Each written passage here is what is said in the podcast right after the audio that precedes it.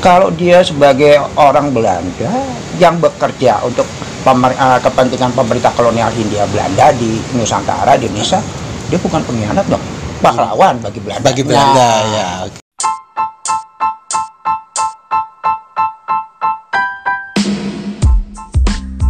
Halo balik lagi bareng saya Ramadan MK podcaster tanya sejarah.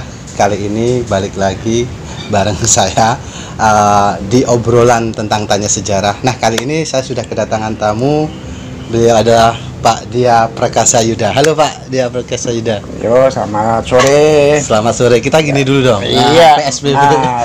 New normal ini. Transisi ya transisi. Gimana kabarnya Pak Yuda? baik sambil merokok ya Ah, nggak apa-apa ini. Jadi eh, maaf teman-teman pendengar eh, podcast Sejarah ini ini pengalaman pertama kami eh, apa tag tag video atau tag eh, untuk edisi ini di outdoor ini. Jadi maaf nanti jika ada Suara suara macam-macam. suara suara kendaraan terus ada keda- suara pesawat lewat dan sebagainya itu.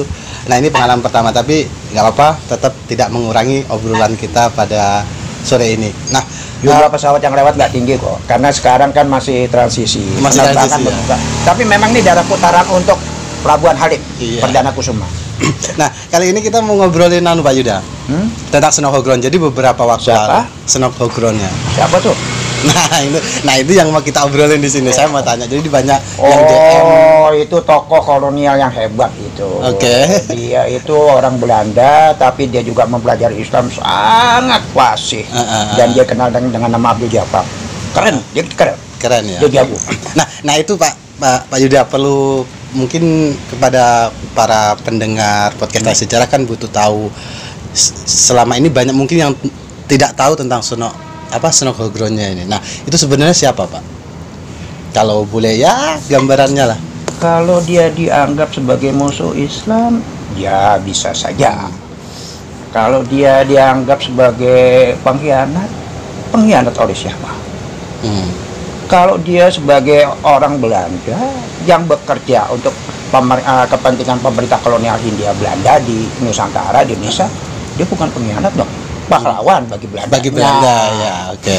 nah kalau dia dalam konteks Islam mungkin dia dianggap bisa merugikan Islam Oke. tapi di sisi lain dia juga menguntungkan Islam karena kemudian pemerintah kolonial jadi paham tentang Islam itu sendiri apalagi dalam konteks Islam Nusantara Islam di Ah, Indonesia Iya. Karena dia pendekatannya agak berbeda gitu Ah, Nah, maksud saya gini, dia menggantikan Vandenberg, kalau nggak salah, itu pejabat kolonial pertama dari Belanda yang menjadi penasihat dalam bidang bahasa, bahasa pribumi, bahasa Melayu Nusantara, Ah. dan juga masalah hukum Muhammad. Nah, pengertian hukum Muhammad ada hukum-hukum Islam. mm, mm, Karena Belanda sangat mengetahui bahwa di Nusantara, di Indonesia ini, mayoritas Islam kuat dan sangat berpengaruh dari sisi hukum syariatnya segala macam di negara-negara kerajaan-kerajaan kesultanan yang ada di Nusantara. mm, mm. Nah, karena itu perlu seorang penasihat. Nah, yang ahli dalam bidang ini pakar. Ah. Pakarnya waktu itu kan dan dia dipakai.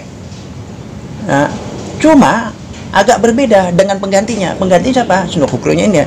Ah. Nah, kalau si yang pertama ini pendekatannya sangat kaku Ya. berdasarkan hukum-hukum yang ada, teks-teks kitab yang ada dan pegangannya adalah Timur Tengah langsung, Mm, mm.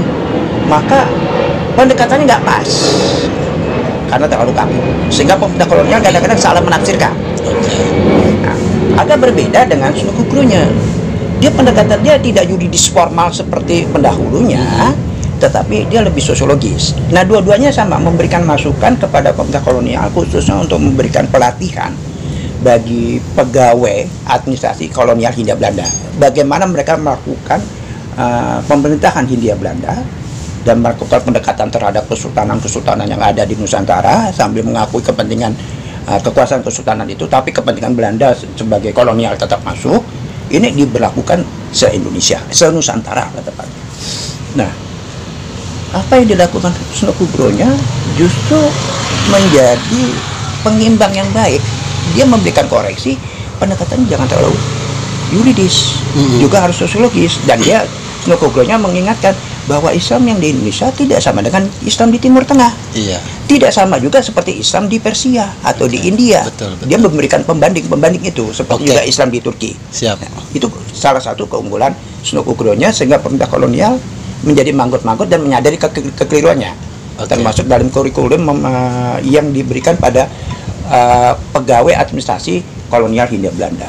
Oke Pak Yuda, tapi sebelum kita ngobrol lebih jauh lagi, ta- tadi saya sempat lupa untuk memperkenalkan dulu siapa sih Pak Dia Perkasa Yuda ini. Jadi sampai semangat antusiasnya banget untuk obrolan edisi, minum ya. obrolan edisi kali ini. Jadi saya sampai lupa untuk eh, memperkenalkan dulu siapa teman ngobrol saya hari ini. Nah, ini adalah eh, beliau adalah Pak Dia Perkasa Yuda ini. Beliau adalah mantan wartawan Kompas dulu. Dia juga banyak eh, mengkaji lah, mengkaji tentang kesejarahan gitu. Nah, nah kali ini ngobrol tentang soal senokogronnya. Nah itu tadi sedikit soal senokogron ya. Tapi gini gimana Pak Yuda soal masalah senokogron disebut eh, sebagai mata-mata atau kemudian dia sengaja disusupkan untuk masuk Islam untuk merongrong Islam dari dalam itu gimana kalau menurut Pak Yuda pandangan Pak Yuda? Ah, dia mempelajari Islam dengan sungguh Hmm. di Timur Tengah, Iya. bahkan berganti nama jadi Abdul Ghaffar dan dia dikenal baik oleh para ulama di sana. Iya. Kemudian dia juga sangat sangat lebih memahami dari beberapa orang yang studi soal Islam. Dia sangat memahami, lebih mengerti soal pengertian tentang syariatnya apa segala macam, Iya segala macam, sangat luar biasa. Sehingga kita tidak menyangka. Nah, terlepas dari soal itu, kan masalah motif. Iya, iya motif. Nah, bahwa motif dia di- bekerja untuk kepentingan kolonial, ya otomatis bukan mata-mata lagi. Dia memang melakukan hal yang dalam tanda petik bisa merugikan kepentingan Islam. Oke. Kalau untuk is- bangsanya kan, untuk dia Iya, belanja. ya, enggak artinya untuk uh, umat Islam bisa juga merugikan. Betul. Tapi di sisi lain kerugiannya tidak terlalu merugi dibanding pendekatan yang dilakukan oleh pendahulunya kalau menurut saya. Oke. Karena pendekatan yang dilakukan oleh Sunoku Gronya itu jauh lebih objektif Hmm. sesuai dengan ini sehingga lebih pas. Tapi di sisi lain juga lebih mudah untuk menaklukkan karena lebih memahami secara sosiologis. Nah, problem kita adalah apalagi masyarakat kita pada zaman itu jangan pada zaman itu pada masa sekarang pun Mm-mm. asal lihat orang pakai kopi haji, songkok apa segala macam langsung kita anggap udah Islam. Ada tulisan Arab kita anggap udah udah Islam. Padahal tulisan Arab itu yang pakai kan bukan hanya Muslim, Betul.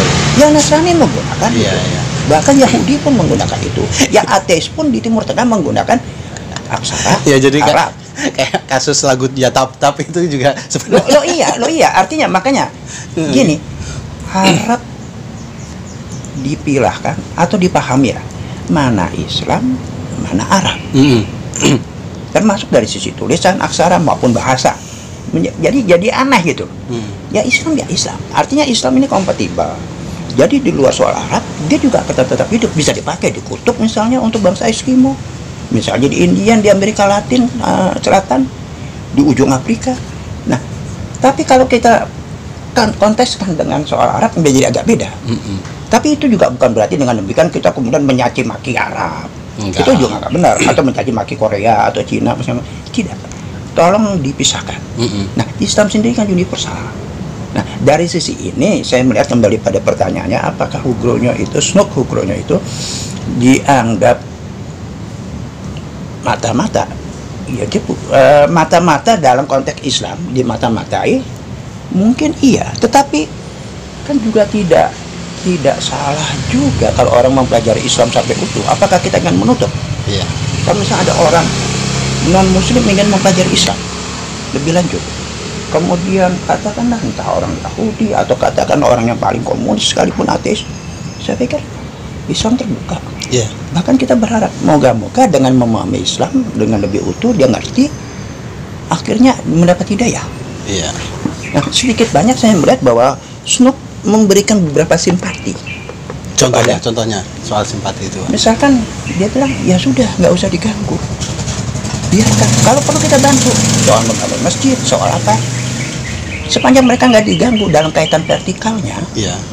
mungkin kita bisa masuk di urusan horizontal Heeh. artinya masuk di soal ekonominya atau soal politik tetapi kaitan dengan hubungan vertikal ke Allah apa segala macam mereka membantu. Oke. Nah, persoalannya dengan pendekatan itu, apakah kita sebagai muslim muslim yang kapah atau tidak? Kan itu persoalannya. Kalau kapah kan kita melihat menyeluruh, gitu. Tapi di sisi lain juga kita nggak bisa menutup diri, kan begitu persoalannya. Jadi memang kontroversial. Jadi Soal soal ground ini ya. ya. Nah, kita catat aja apa yang manfaat dan mudarat dari dia. Iya, ya. Nah, itu yang yang paling tepat. Kalau Pak Yuda sendiri kalau dari ini kita sebelum melihat sisi sisi positif Ya. yang bisa kita ambil dari Sunogo Ground ya. uh, apa sih yang cukup berpengaruh besar di uh, dari sisi mungkin yang diterima dari sisi, sisi negatifnya lah dari sosok Sunogo Ground ini. Sebelum kita ngobrolin soal sisi positifnya. Sisi negatifnya apa? Ya, bahwa dia Soal membela Islam untuk di- di- kepentingan Apa akhirnya Aceh kalah dalam perang itu mungkin Pak Yuda? Saya pikir memang nggak semudah itu untuk menyatakan Aceh akan kalah atau Mm-mm. menang perang. Tapi banyak orang tidak tahu sebenarnya ada hubungannya kaitannya dengan persoalan Traktat Sumatera, Oke. yaitu perjanjian antara Belanda dengan Inggris. Mm-mm. Nah, Aceh, Kesultanan Aceh saat itu menjadi wilayah yang tidak boleh diganggu oleh Belanda dan juga Inggris karena dia dijadikan buffer state, negara penyangga antara kepentingan Inggris yang sudah menguasai Burma, Myanmar dan menguasai dalam tanda petik Semenanjung Malaka yang sekarang menjadi Malaysia Mm-mm. sementara Sumatera sebagian besar sudah dikuasai oleh Belanda Mm-mm. dan juga Kalimantan. Nah ini jangan sampai kalau Aceh Belanda masuk Aceh, kepentingan Inggris di Myanmar bisa terganggu maupun Malaysia semenanjung Melaku. Nah sebaliknya kalau Inggris masuk ke Aceh, maka kepentingan Belanda di Sumatera akan terganggu. Karena itu mereka berdua bilang, ya udah Aceh jangan diganggu, biarin aja jadi negara merdeka. Apalagi Aceh saat itu punya hubungan baik dengan Kesultanan Turki, Ottoman. Sehingga kalau ada apa-apa, Turki akan bantu. Oke, oke. Nah, dibuatlah perjanjian buffer state yang membuat Aceh menjadi negara merdeka. Jadi tidak ada gangguan. Nah, cuma persoalannya di perjanjian traktat ini antara Inggris dengan Belanda itu ada tanggal kedaluarsanya. Hmm. Jadi diberlakukan sampai tahun berapa? Tanggal berapa? Kalau nggak salah sampai tahun 1897 atau 95 apa. Sehingga Bisa ketika kan? perjanjian itu habis, Belanda diam aja Mm-mm. min- eh, berharap Inggris tidak mengingat-ingat lagi. Nah, kalau udah habis, Belanda akan bebas, tidak terikat. Nah, di situlah Belanda mulai memprovokasi dan menyerang. Nah, jadi se- kasus Kesultanan Aceh ini agak mirip dengan Thailand. Oke. Artinya Thailand, Muang Thai itu bukan berarti negara yang hebat banget sehingga dia tidak dijajah oleh Tidak Eropa. pernah dijajah oleh Eropa itu. Padahal karena Thailand itu menjadi buffer state dalam perjanjian antara Inggris Dengan yang sudah menguasai Myanmar dengan Semenanjung Malaka, uh, tanah Melayu, dikuasai Belanda. uh, yang yang dikuasai oleh Inggris, ini dua wilayah Iya, Inggris. betul. Nah, sementara di sebelah timur sudah dikuasai oleh Prancis, Oke. yaitu Vietnam, Kamboja, Laos. Hmm. Nah, di antara ini ada wilayah Thailand. Thailand. Nah, karena itu Inggris dan Prancis ini saling curiga. Oke. Nah, akhirnya mereka bilang ya udah kalau gitu Thailand jangan jangan diganggu. Ya oke. Nah, Thailand akhirnya disepakati menjadi buffer state. Makanya baik Prancis, Inggris tidak akan serang. Nah, ini ini sebenarnya karena itu. Jadi Jadi- jangan lupa, Bukan murni memang karena hebat. sama sekali tidak. Karena kepentingan imperium yang besar ini, sang Iya. imperialis imperialis kolonialis saat itu, mereka juga punya semacam konsensi-konsensi Nah, yang mengkonsensikan wilayah-wilayah lain. Oke. Nah ini ini yang harus harus harus dipahami. Jadi dalam konteks itulah kita bisa melihat kenapa kemudian setelah ada perang Aceh, Inggris nggak bisa ikut campur. Bahkan dia cuma bilang asal lu jangan masuk coba-coba ke tanah Melayu ya, atau jangan masuk ke Myanmar. Perancis juga gitu. Jadi persoalannya di situ itu satu. Dan kedua, kemudian posisi Aceh juga menjadi tidak terlalu kuat kalau kita kembali pada geopolitik Mm-mm. karena pada saat itu sebenarnya Kesultanan Turki Ottoman sedang dalam posisi runtuh ya, lagi itu itu masa-masa keruntuhan, masa-masa Iya. udah. sehingga dia tidak sempat pengaruh. mengirim baik Mariam atau apa semacam untuk membantu Aceh. Nah, kondisi ini membuat posisi Aceh menjadi benar-benar perang-perang semesta sendiri. Tidak bisa terlalu mengandalkan bantuan luar. Sementara wilayah-wilayah Nusantara yang lain sudah dikuasai oleh India Belanda. Jawa dengan perang di Ponorogo, perang Jawa 1825 1830 artinya 75 tahun sebelum itu dia sudah kuasai. Sumatera Tengah khususnya Padri eh, sudah melalui Bonjol mereka sudah kuasai. Nah, tinggal Aceh sendiri. Jadi soal kalau hulu hulu balang pemecahan hulu balang itu sebenarnya kalau yang yang Ah, ditudingkan begini. ke Sunan Hogong itu sebenarnya gimana sih Pak? Awalnya kita lihat dari situasi itu. Oke. Pertama, perlawanan bersenjata di internal Nusantara sudah tidak ada, Hmm. sudah tidak terlalu kuat bersenjata ya. Ya. Nah, sehingga nanti akhirnya arah bentuk perlawanannya baru bentuk gerakan politik apa segala macam. Nah, terus yang kedua, dukungan internasional dan pengertian Turki tadi sudah tidak ada. Hmm. Nah, kemudian perjanjian antar kolonialis imperialis di Asia Tenggara Oke. itu juga harus kita catat. Nah, dari sisi itu, itu pertama. Nah, sisi yang kedua, di sini kelihan Snukugro-nya karena dia tidak melakukan pendekatan yuridis formal seperti dahulunya. Dia melakukan pendekatan sosiologis juga. Nah, salah satu masukan adalah dari Snukugro-nya. Tetapi sebenarnya masukan ini sudah tidak terlalu tepat karena sudah menjelang akhir Hmm. sudah menjelang babak akhir perang Aceh. Artinya Van Hertz sebagai jenderal perangnya Belanda saat itu dia juga sudah menyadari sudah melakukan pendekatan sebelum Hugronya memberikan masukan. Tetapi Hugronya menggarisbawahi yaitu apa? Satu, lihat peta sosiologis dari masyarakat Aceh. Masyarakat Aceh dan tanda petik juga tidak terlalu utuh banget. Baik eh, kelompok yang ada di Pidi maupun di wilayah lain segala macam itu kan mereka juga belum tentu solid banget karena ada kepentingan-kepentingan itu ditambah lagi ada perbedaan sikap pendekatan dari para ulamanya sendiri di Aceh maupun para ule balang. Oke. ule balang itu kalau bahasa Melayu hulu balang. Yaitu para panglima panglima yaitu teku teku nah para teku itu cenderung agak bisa kompromis.